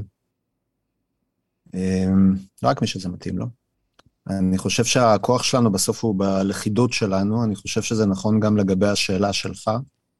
אני חושב שאם אנחנו יודעים שיש מישהו שכבר חווה טראומה, אנחנו צריכים לצאת מנקודת הנחה שיהיה לו יותר קשה. ואדם שחווה טראומה או חווה טראומה, הדבר שהוא בעיקר צריך לדעת, זה שיש איתו מישהו. אה, אין דרך בהכרח נכונה להיות איתו. אה, בטח אם אתה לא איש מקצוע ויש לך כזה אינטואיציות שמובילות אותך לאיזשהו כיוון. יש אנשים שצריכים שיהיו איתם וישתקו איתם, יש אנשים שצריכים שיהיו איתם ויחבקו אותם, יש אנשים שצריכים שיהיו איתם וייתנו להם לשתף במה שהם עברו, אבל מה שמשותף לכולם זה שהם צריכים לדעת שיש מישהו ש, שנוכח איתם. אז אם אתם יודעים שיש מישהו שבסיכוי גבוה עבר משהו בעבר, אז תהיו איתם ביתר שאת, אה, תהיו נוכחים. גם אגב, בהקשר לילדים, אני חושב שמתחבר מאוד למה שאלי אמר, שילדים צריכים יציבות וגבולות, גם בתקופה הזו. הם צריכים בעיניי גם אהבה, שאת זה אנחנו נותנים להם כל הזמן. אה, תודה למי שהדליק את המסכים, האהבה כבר מורגשת. והם צריכים אה, נוכחות. ואותו דבר גם מי שחווה טראומה צריך את הנוכחות שלכם, ואני כן אדגיש שהמטופלים שלי שכרגע מתקשרים אליי ומתארים הצפה של הטראומה, הם גם לא בהכרח חוו טראומה על רקע צבאי. זה משהו שחשוב להגיד, שהמנגנון הוא בסוף אותו מנגנון, ויכול להיות שמישהו בכלל חווה איזושהי טראומה שקשורה לתאונת דרכים, או טראומה שקשורה לפגיעות מיניות, ודווקא הלחימה מעוררת עוד פעם את אותן החוויות. אז חשוב להיות בעיקר מודע וער ולהיות נוכח עבורם. אה, תודה, אה, אילן, שרית או אלי, אם תרצו אה, להוסיף. אם לא, נעבור פשוט לשאלה הבאה. אני יכולה לענות, אבל אני, אני רוצה... זו תשובה שהיא לא מעודדת כל כך. אה, בסדר, אנחנו ש... מחפשים את האמת, קודם כל. התשובה היא שבאמת אה, אנחנו יודעים שיותר ויותר אירועים טראומטיים מחלישים את המערכת, ואז באמת צריך לתת תשומת לב יותר גדולה למי שאנחנו יודעים שכבר בעבר עבר אירועים טראומטיים. אה, גם אם בעבר הוא הגיב די טוב, כמו שאמרתי על חוסן, צריך, צריך לתת יותר תשומת לב. כן, אלי. אני חושב שהדבר היחיד שהייתי מוסיף הוא פחות, למעשה הוא פחות קשור לסוג הטראומה שאנחנו מדברים עליה כרגע, אבל אולי שווה להזכיר את זה בזה שלמעשה חוויה של טראומה מגדילה גם את הסיכון. בעצמה, סטטיסטית מגדילה את הסיכון לטראומות נוספות, וחשוב מאוד שחלק מההתמודדות עם טראומה בדברים שבהם זה רלוונטי כמובן, זה גם ללמוד איך לשמור על עצמך כדי לא, לא להיכנס למצבים שבהם הסבירות לטראומה נוספת היא גבוהה. כמובן יש דברים שהם לא בידיים שלנו ואנחנו לא יכולים לשלוט, לשלוט עליהם, אבל כשאנחנו רואים מישהו שסובל מפגיעה של, של טראומה, מחשבה על איך מונעים את הטראומה הבאה היא במידה שאפשר היא מאוד מאוד חשובה. אה, שרית, זו שאלה שנדמה לי אה, כדאי לי להפנות אלייך אה, קודם. נירה שואלת, בנוגע לבת שלוש וחצי, שלה שקיבלה ממנה הסבר כפי שגילה והבנתה מאפשר, ועדיין היא מפחדת גם כשאין אזעקות. אז היא שואלת כמה לדבר איתה על זה, זה אירוע מתמשך, מבחינתה לא אירוע בודד, והיא חזרה לשגרה וחוזר חלילה. זאת אומרת, כן, אנחנו מדברים על ילדה בת שלוש וחצי, אין ניסיון לדבר איתה כפי שאפשר בגיל הזה, ועדיין היא מפוחדת מאוד, כמה לדבר איתה עוד. כן, אני חושבת אני אתחבר כאן למה ש, שנאמר קודם, שקודם כל הפחד הוא, הוא תגובה הגיונית, לגיטימית ומתאימה למצב הזה, והמצב, זה עוד לא נגמר, אנחנו לא יכולים להגיד, הייתה מלחמה, היו אזעקות, ואז את פחדת, ועכשיו את עדיין קצת מפחדת, אם כי אנחנו יודעים שנגמרה המלחמה וכנראה שלא יהיו עוד אזעקות. כרגע הפחד הזה הוא, הוא הגיוני, ויכול להיות שהוא אפילו, יש בו משהו חיובי, זה אומר שהמערכת שלה, שהיא, ב, ש, שהיא תגיב כשתהיה אזעקה. אז יכול להיות שזה לא כל כך נעים להיות uh, ההורה במצב הזה, אבל קודם כל להגיד, לפחד יש תפקיד, וזה תפקיד חשוב, ובסדר, זה בסדר. שיש את הפחד. מעבר לזה, יש גם את העניין של אה, ההסבר הוא טוב, זה חשוב לתת אותו.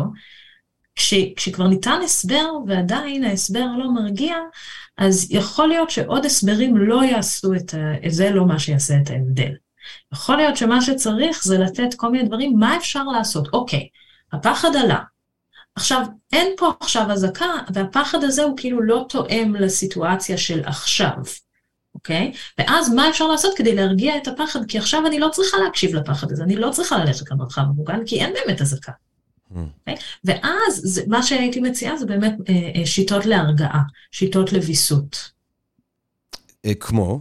או, אז אה, קודם כל יש המון, אה, המון אה, שיטות שהן רלוונטיות גם למבוגרים וגם לילדים, ואחד הדברים שאני הכי הכי אוהבת, אמ, זה, זה כל מיני תרגילים שנקראים תרגילי קרקוע, grounding. זה כל מיני דברים ש, שגורמים למוח להבין ש... להתמקד במה שקורה כאן ועכשיו, זה יכול להיות בגוף, זה יכול להיות בסביבה החיצונית, אבל זה, זה, זה נותן מסר של אין, רגע, שנייה, אין עכשיו סכנה. ואיך עושים את זה?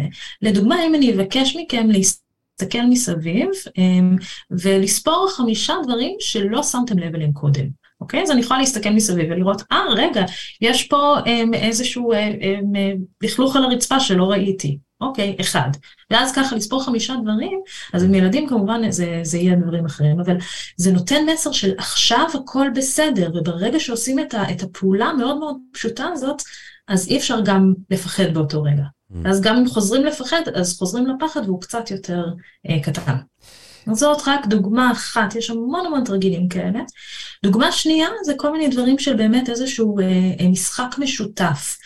דקלומים, שירים, דברים שמפתחים את הקשר ושמעוררים אה, הנאה. כי אנחנו יודעים שגם העלאה של אפקט חיובי יכולה אה, לתת איזשהו counter לרגש השלילי, לאפקט השלילי. אז אם עכשיו עשיתי משהו נעים וכיף, אז גם הפחד, בסדר, הוא עדיין שם, אבל גם באותו זמן יש לי גם משהו כיף ונעים עם אמא שלי, אז כנראה שהסכנה היא לא מיידית, אוקיי? ואת זה לא בהכרח צריך להסביר לילד, מספיק שעשינו משהו כיף, וכבר המוח שלו מבין שכנראה שלא מסוכן. אמ, אלי, אני אשאל אותך שתי שאלות ככה אה, יחד. אה, מה לענות לילד בן 11 שמפחד מחדירת מחבלים ומצלפים, אה, ואיך לנהוג אם הבת 14 מבקשת ליווי לכל מקום, היא מפחדת להיות לבד? אוי, אני חושב שקודם כל בואו נכיר בזה שהמדינה מלאה בילדים בני 11, ולא רק 11, שמפחדים מאוד מחדירת מחבלים ומצלפים ומטילים. וכמובן שהם מפחדים, למה שהם לא יהיו בפחד? אז אני חושב ש...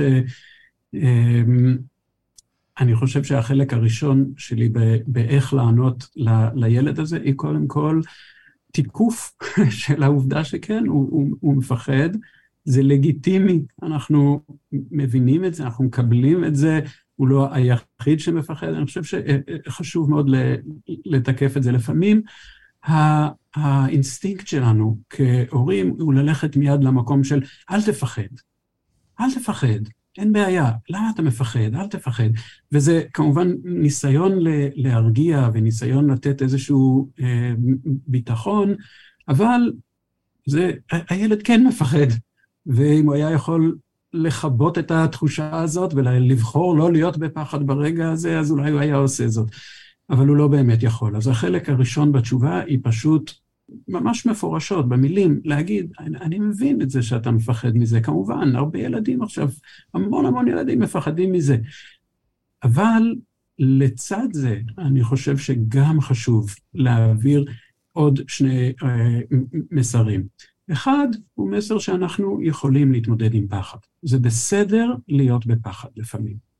פחד, ואמרו את זה פה, אה, אני חושב, אה, אילן דיבר על זה בצורה מאוד מאוד יפה בהתחלה, ושרית דיברה על זה, פחד הוא לא טראומה, נכון? הוא, הוא, הוא חוויה, וברגע הזה שאנחנו נתונים בו, הוא תגובה הגיונית, לגיטימית וסבירה אפילו. ואפילו כשיש פחד שהוא לא סביר, גם כשאין רגע של טילים ומתקפות, יש ילדים עם הרבה פחד, וגם אז זה חלק מהחיים. אז אנחנו רוצים גם ללמד שזה בסדר להיות עם פחד. אה, אתה מפחד, ואתה תהיה בסדר, למרות שאתה מפחד. גם אני, אה, אני חושב שכדאי להעביר את המסר שההורים, להורים יש את האחריות לשמור על הביטחון הפיזי, ולא, ולא לילדים. כלומר, זה בסדר להגיד, אני האבא או אני האימא, אנחנו ההורים, אנחנו נעשה מה שצריך לעשות כדי לשמור על הביטחון שלנו. וזה זה לא, זה מרגיש קצת מקטין להגיד את זה, אבל זה לא אחריות של ילד, לא צריך לשים על הכתפיים של ילד בן 11 או 12 או, או, או, או ילד קטן את, ה, את האחריות על ביטחון הבית. אז זה בסדר להגיד, זה תשאיר לנו. אנחנו ההורים, אנחנו נעשה את כל ההנחיות. ילדה בת 14 שמפחדת ללכת למקומות, עוד פעם, עדיין, זה... אני חושב שמאוד חשוב לשאול האם זאת בעיה חדשה, או בעיה שהייתה קיימת גם לפני ה... אמ, אה, היו ילדים עם חרדה גם לפני שבועיים כן. בארץ וביתר העולם. אז זה חשוב מאוד להבין האם מה שאנחנו רואים פה זה איזושהי החרפה של בעיה שהייתה כל הזמן, ואיזוש... ו... ואולי הייתי מתייחס לזה טיפ-טיפה שונה. במשהו שהוא חדש וקורה, אמ, הייתי עושה, או, או, או נגיד את זה אחרת, בבעיה שהייתה קיימת לפני, הייתי עושה קצת יותר מאמץ מודגש לנסות לעודד, למצוא את, ה, את הפעמים שהילדה יכולה גם ללכת לבד. אולי זה אומר שאני מלווה חלק מהדרך, אולי זה אומר שאני עם טלפון והיא הולכת לבד. אולי זה אומר שאנחנו נוסעים בנפרד באיזשהו, באיזושהי מידה, או דברים כאלה. הייתי יותר שם דגש על הניסיון לא ללכת. מדי לליווי הזה, כי אם הבעיה הייתה קיימת לפני, גם אין הרבה סיבה לחשוב שהיא תיעלם ברגע שה, שהתקופה הזאת קצת אה, תירגע, ואז הנטייה הטבעית מאוד של ההורה לרצות לגונן יכולה להישמר ממש כבעיה שלמעשה מגבילה את הילד, ובסופו של דבר גם מגבילה את ההורה, אם צריך ללוות לכל מקום. עם ילד שזה מופיע פתאום, ילד שלא הייתה הפרעת חרדה לפני, או בעיית חרדה לפני, ופתאום הוא נורא פוחד, אני חושב שאפשר להיות קצת יותר, אה, עם, עם יותר סבלנות לראות האם זה בעיה שבאמת נשארת ותצטרך אה, תשומת לב אחרת, או אולי זה משהו של שבוע, שבועיים, ואז זה עובר, ואפשר לתת קצת את הזמן לראות לאן זה הולך. אמ, תודה. אה, אילן, אני, ארצה, אה, גם אני אתן לך אה, להגיב לזה, דוקטור וולקוב, אבל אני גם אשמח לשמוע ממך חידוד שאנחנו מבקשים לעשות כאן בין חרדה לבין טראומה. אולי באמת, אנחנו דיברנו הרבה על טראומה וקצת לקחנו את המושג הזה כמובן מאליו, מה, מבדיל אותו אה, מחרדה. אה, אבל קודם אני ראיתי שאתה רוצה אה, להוסיף כן, משהו. אני תכף, אני קודם כל לא ידעתי שיש צלפים. תודה על זה. כן. עכשיו, אם יש פסיכיאטר משהו חדש, משהו חדש לפחד ממנו. יש פסיכיאטר שלא מצליח להירדם, מי מוכן לעשות ביקור בית? זה מחבר אותי קצת לזה שאנחנו צריכים להגביל טיפה את המידע ולהתרכז יותר במה שאנחנו יודעים ולא דברים שאנחנו לא יודעים, כי הכל מלא סביבנו בספקולציות של מה לא יודעים, וזה מעורר בעיקר חנדה. אה, אני רוצה להגיד משהו, שתי דקות לפני שאני מתייחס אולי לטראומה וחרדה, אני רוצה להגיד, אנחנו מדברים כאן על הורות, ואנחנו מדברים כאן, אנחנו מתייחסים לזה קצת כמשהו שהוא אישי, אנחנו פחות מדברים על הזוגי. אז אני, אני ממש בדקה רוצה להגיד שהזוגיות היא כן משהו מאוד מאוד חשוב כאן, גם כהורים וגם כלא הורים. יש כאן בוודאי גם אנשים ש, שהם לא הורים אבל הם זוגות. אה, כל אחד חווה את זה קצת אחרת. אה, אני, אני הייתי מאוד מאוד מופתע, יש לנו, אה, יש לנו ב Mind Me אינסטגרם, שאנחנו מעלים לשם עכשיו כל הזמן דברים סביב הלחימה, ובעקבות איזשהו קושי שהיה לי בבית, הלכתי והעליתי סרטון על זוגיות, ותקשיבו, זה התפוצץ, זה נהיה ויראלי. ולא ציפיתי, כי אנחנו קצת נוטים לשכוח גם את התא הזוגי. אבל מה שקורה זה שאני יכול להגיד שאצלי בבית, אני, אשתי עובדת באיזשהו תחום שנושק לכל מה שקורה כל הזמן, היא מגיעה בערב הביתה, היא רוצה להפסיק לשמוע על מה שקורה. אני כל היום בקליניקה, אני מגיע הביתה, אני רוצה להדליק טלוויזיה, להתעדכן. פתאום כל אחד מאיתנו מצא את עצמו במקום אחר. אה, ואני בטוח שזה גם קורה בהרבה, אצל הרבה זוגות אחרים, שהחוויה, ההתנהלות מול מה שקורה היא אחרת, גם מול הילדים, האופן שבו אני מגיב לזה שהילדה שלי פוחדת ללכת בחוץ, לאיך שבת הזוג שלי מגיבה היא שונה. אני רוצה להציע משהו מאוד מאוד קצר. קחו לכם חצי שעה ביום, שכל אחד ייקח לו רבע שעה מתוך החצי שעה הזו פשוט לדבר, ושהשני פשוט יקשיב. ואז תחליפו בין התפקידים ותעשו את זה הפוך. לא תמיד אנחנו מתחילים, מצליחים לעשות אינטגרציה, שילוב של איך שכל אחד מאיתנו חווה את מה שקורה, לפעמים צריך לתת משהו בנפרד, אבל שוב פעם, להיות נוכח ולהיות שם בשביל הצד השני, אנחנו חייבים זוגיות חזקה, גם בשביל הורות חזקה, וגם בשביל התמודדות כעם, כעם ישראל, אנחנו צריכים זוגיות מאוד מאוד חזקה. חרדה וטראומה היא בעצם, זה שני דברים טיפה שונים, כי בעצם טראומה זה משהו שקרה לי כרגע, זה, זה איזושהי חוויה שקרתה. חרדה זאת אפשרות של תגובה. אני יכול להגיב באופן שונה לטראומה, אני יכול אה, לא יודע, אני יכול אה, לתת מכה עם הרכב שלי בעמוד החשמל ליד הבית ו- ולהיבהל ולהיכנס לחרדה, ואני יכול להתחיל לצחוק על אה, איזה מגוחך אני שאני מכניס ל drive במקום ב reverse. עכשיו, החלוקה בין הפרעת חרדה להפרעת פוסט-טראומה זה משהו טיפה שונה, אבל חשוב להבין גם שזה משהו מלאכותי שאנחנו בעצם, הפסיכיאטרים או הפסיכולוגים, יצרנו בשביל להכניס אנשים לקופסאות ובשביל שאני ואלי נוכל לדבר על המחקרים שלנו ולהגדיר מי נכנס לכל קבוצה. בחוויה האישית שלכם זה בכלל לא משנה. כי אתם צריכים לבוא בסוף עם מה שאתם מרגישים. ואם כרגע אני מרגיש מוצף רגשית, אז אני יכול לבוא, אני יכול לקרוא לזה חרדה. אם הדבר הזה מתנהל תוך כדי הלחימה, כמו שאמרנו, זו תגובה נורמלית, זה כנראה אצל רוב האנשים זה לא יהפוך להיות פוסט-טראומה. אני מתחבר למה ששרית אמרה, לא כולם בסוף יזדקקו לטיפול, כי הנפש שלנו בעצם מורגלת אבולוציונית להתמודד עם זוועות מאוד מאוד קשים. אה, אנחנו נהיינו קצת אה, כזה בעשורים האחרונים אה, ככה מאוד רגישים לכל מה שקורה, אבל אם תחשבו לאורך האנושות, אנשים יודעים להיות אכזריים, ואנשים והנפש שלנו רגילה להיחשף אבולוציונית ב-DNA לדברים מאוד מאוד קשים, ואנחנו נעבור את זה ואנחנו נהיה בסדר. אני מקווה שאנחנו נהיה יותר מבסדר. אני מה שאותי מחזיק כאן היום, זה לדעת שכשזה ייגמר, לא נתקן, אלא נבנה משהו חדש יותר, יותר טוב יותר, חזק יותר. ויכול להיות שמה שקורה כרגע זה גם, זו גם ההזדמנות שלנו להציל את מה שקורה פה ולהיות יותר טובים.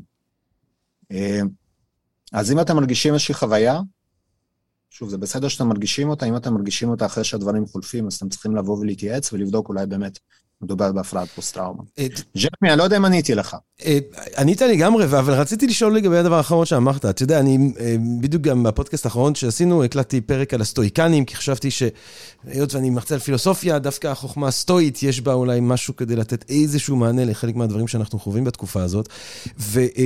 ודבר שמאוד ככה נשאר איתי מהקריאה לקחת ההקלטה של הפרק, זה העניין שלהם נגד תקווה. כאילו, סנקה אומר שפחד ותקווה הם בעצם שניהם אה, תופעות שמאפיינות את הנפש במתח. וכאילו ההתמקדות בהווה הוא אצלם אפילו במחיר של, לא, זה לא שהם מתייאשים, אבל בלי פחד ובלי תקווה. ואתה אמרת שדווקא התקווה, אה, יש בזה משהו שמחזק. אה, ש... אז, אז, אז כאילו, פשוט מאז אני תוהה, האם לקוות איזה דבר שהוא בריא, או האם עדיף לא לקוות ולמצוא שלווה אה, ממש בהתמקדות בהווה? אני חושב שיש לי את המקצוע הכי אופטימי, בטח בעולם הרפואה. אה, בואו, אני יכולתי להיות פלסטיקאי. בחרתי להיות פסיכיאטר, כי אני חושב שזה המקצוע הכי אופטימי בכל עולם הרפואה, כי כשכוונה אורתופדים מחליפים למשל ירך שנשברה, היא לא חוזרת להיות אותו דבר. כשאנחנו עוברים תהליך רגשי, יש לנו הזדמנות, אם ננהל את זה נכון, לצאת יותר חזקים, יותר טובים, לצאת בני זוג יותר טובים, הורים יותר טובים. פתאום אנחנו עסוקים כאן בשאלות של הורות, שביום-יום אין לנו זמן לעסוק בהן. אנחנו יכולים לצמוח מתוך הדבר הזה, ואני מאמין שאנחנו נפסיק להתפשר ולהיות בינוניים, ואנחנו נבין שבשביל להיות כאן ולחיות כאן בשלום, אנחנו צריכים להיות מצטיינים בהכל, ואנחנו נהיה באמת מצטיינים, כי הלכידות שלנו מובילה אותנו היום לזה. וזה המשמעות של המפגש הזה, ואני מודה באמת לך ולמארגנים, שאפשרתם את הדבר הזה, אמן. כי זה כוח. אה, טוב, אז אז, תקווה, תקווה, המון תקווה. אז אני, אני, אני אשאל שאלה אחרונה ככה אה, ספציפית, ואז אני אבקש מכל אחד מכם אה, ככה לסיכום, אה, לתת עם שתיים, שלוש רעיונות, שאיתם באופן מיידי אפשר לנסות לתת מזור לאנשים, אבל קודם השאלה של מיכל, אה, ששואלת, אה, באיזה מקרים תגובת הפחד דורשת טיפול מקצועי? הבת, אה, בת החמש, ילדה בוגרת ועצמאית, אה, גמולה ללא פספוסים כבר מגיל שנה וחצי, בעקבות האזעקות והמצב הכללי היא חזרה להרטיב, זה קרה פעמיים. אה, אני מתווכת לה את האירוע בהתאם לגילך, מדובר בילדה פוסט-טראומטית עקב ניתוח ואשפוז ארוך שקרה בגיל שנתיים בזמנו, לא היו פספוסים בכלל בכל הקשור לבריחת שתן. האם אני צריכה לפנות לטיפול מקצועי, או שזו תגובה נורמטיבית לפחד? אני יכול להגיד משהו, אולי, אולי את רצית לענות? אה? בבקשה, אלי, ואז נשמע את שרית. כן. אמ, קודם כל, אני קצת חוזר על מסר שנאמר, שהוא, האם זה נורמטיבי והאם אני יכול לקבל עזרה, זה שתי שאלות שאפשר להפריד ביניהם. משהו לא חייב להיות פסיכופתולוגיה, הפרעה נפשית, פוסט-טראומה וכולי, כדי לקבל עזרה, כדי לקבל איזה שהם כלים. אז אה, אה, אה, טוב יותר להפריד את, ה, טוב יותר להפריד את, ה, את השאלות האלה. בוודאי שזאת כן תגובה נורמטיבית למצב של חרדה מוגברת. אין שום ספק שזה דבר נפוץ ושכיח, שרואים איזושהי עלייה בשכיחות של הרטבה, בעיקר בלילה, ואפילו לא רק בלילה, כשיש מצבי דחק וסטרס מוגברים, זה לא אומר שהתפתחה הפרעה נפשית. ילדים מתקשרים אפשר לחשוב על זה ככה, מתקשרים לא רק עם מילים, גם מבוגרים עושים את זה, וילדים עוד יותר עושים את זה, מתקשרים לא רק עם המילים, מראים לנו מה עובר עליהם בהמון צורות. זה יכול להיות שינויים בתיאבון, למשל, אוכלים יותר, אוכלים פחות, זה יכול להיות הרטבה, שינה, חלומות, זה יכול להיות אה, עניין מוגבר בנושא מסוים, או, או מופחת בדברים שאני בדרך כלל מתעניין בהם, כאבים למיניהם, כאב בטן, כאב ראש פתאום, שאני מתלונן אה, ומרגיש לא טוב. שליטה פתאום יותר גדולה, אני רוצה לשלוט בכל דבר ולהחליט כל מיני דברים.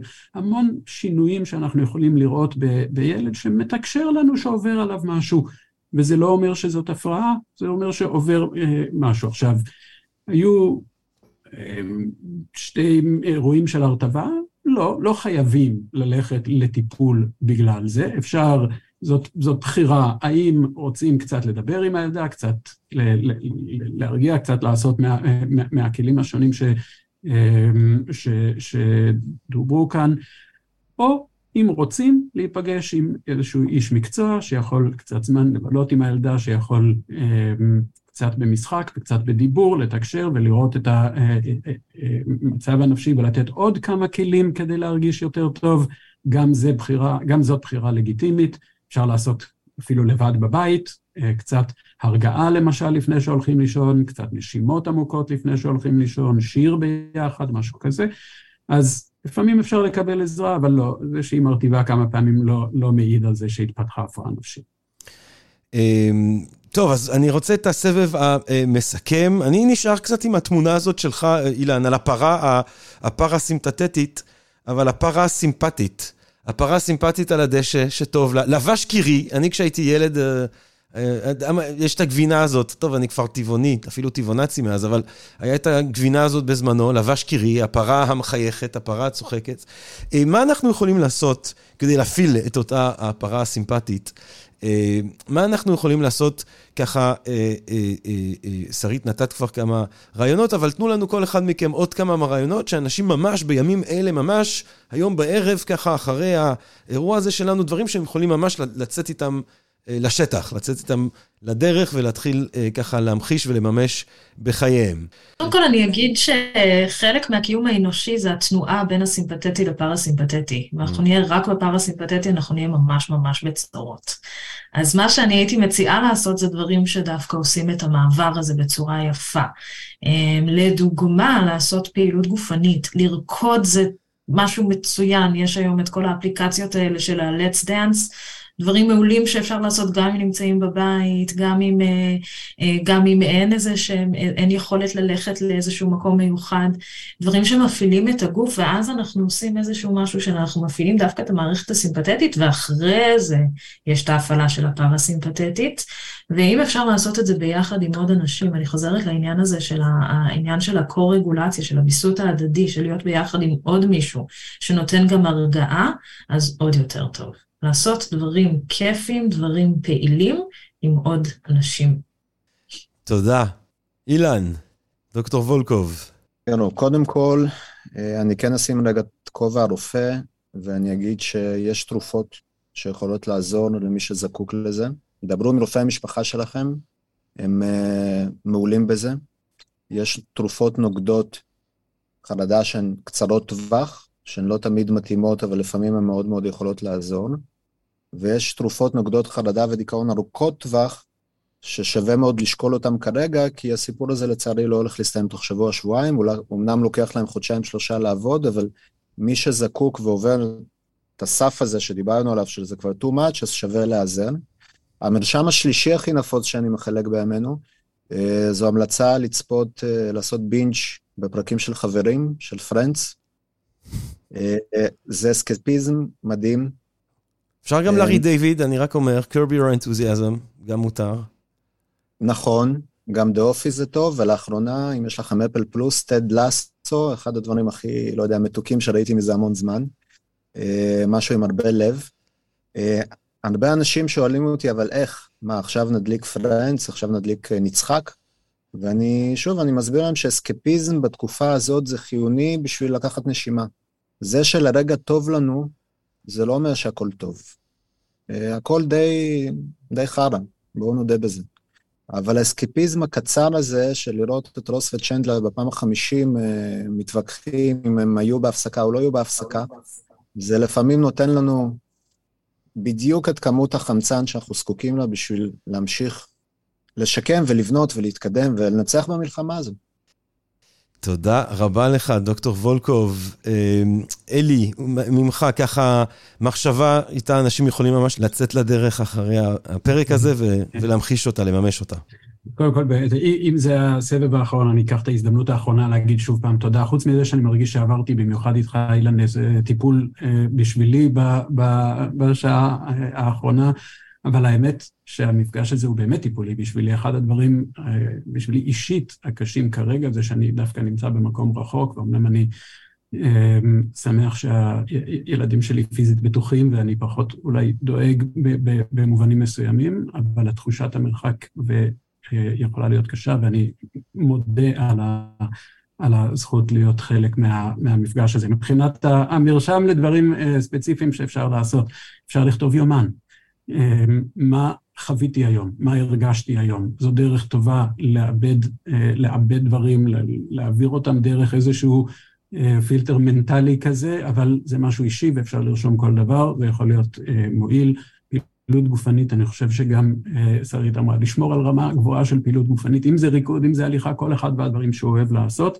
ומסר אחרון להורים על החשיבות של של, של שגרה, עוגנים, גם אם אין שגרה במשך כל היום, קבעו עוגנים של שגרה. כל יום בשעה X אנחנו עושים X, כן? עושים את הדבר אה, הזה. אם יש בית ספר, אם אין בית ספר, קביעת איזשהו, איזושהי שגרה, גם אם היא במסגרת חוסר שגרה, נותן מבנה ליום ונותן תחושה של, אמ, תחושה של המשכיות ושל, ושל יציבות ו, וביטחון, וחשוב מאוד לזכור שמה שחשוב לחשוב כרגע על איך מתמודדים עם היום, אבל גם לזרוע את, ה, את הזרעים של איך יוצאים ממצב הזה לתוך שגרה יותר נורמלית. וכשכל השגרה נעלמת, קשה אחרי זה יותר לחזור, לחזור ללימודים במידה, ב, ב, ליום שלם, לימודים אה, אה, פיזית בבית ספר, או לעבודה, או כל הדברים האלה. אז ככל שאנחנו שומרים חלקים של השגרה בתוך החיים עכשיו, זה נותן לנו תחושה יותר טובה כרגע, וגם עוזר על ההמשך. שבמהרה בימינו יבוא ונוכל לחזור לחיים באמת של, אה, של, של שלום על ישראל. דוקטור אלי ליבוביץ', תודה רבה לך, תודה רבה לך, אה, שרית אה, שרם יבין, תודה רבה לך, דוקטור אילן וולקוב, תודה רבה לכם. לכל החברות והחברים שהצטרפו אלינו כאן לשידור המיוחד הזה של סקרינס. ו-Think and Ring Different. אה, תודה רבה לכם, לקהל הקדוש שלנו שמאזין לפודקאסט וששומע את הדברים האלה בפודקאסט. מקווה מאוד כמובן שנהניתם מהפרק אה, הזה, מהפרקים שכבר הקלטנו, מאלה שבעזרת השם נמשיך ונקליט. ומה אני אגיד לכולנו בינתיים? שיבוא שלום עלינו במהרה, שנהיה בריאים, שנהיה טובים לעצמנו ואחד לשני. אה, וש, ושיהיה כמה שיותר טוב, וגם אם לא טוב וגם אם קשה, שנבין שזה מה שקורה עכשיו. ושאולי אי אפשר לצפות מאיתנו להרבה מדי. אז הרבה חמלה לזולת, לעצמנו, אהבה, אהבה רבה, תודה רבה לכולם ולילה טוב. פודקאסט, פודקאסט, פודקאסט.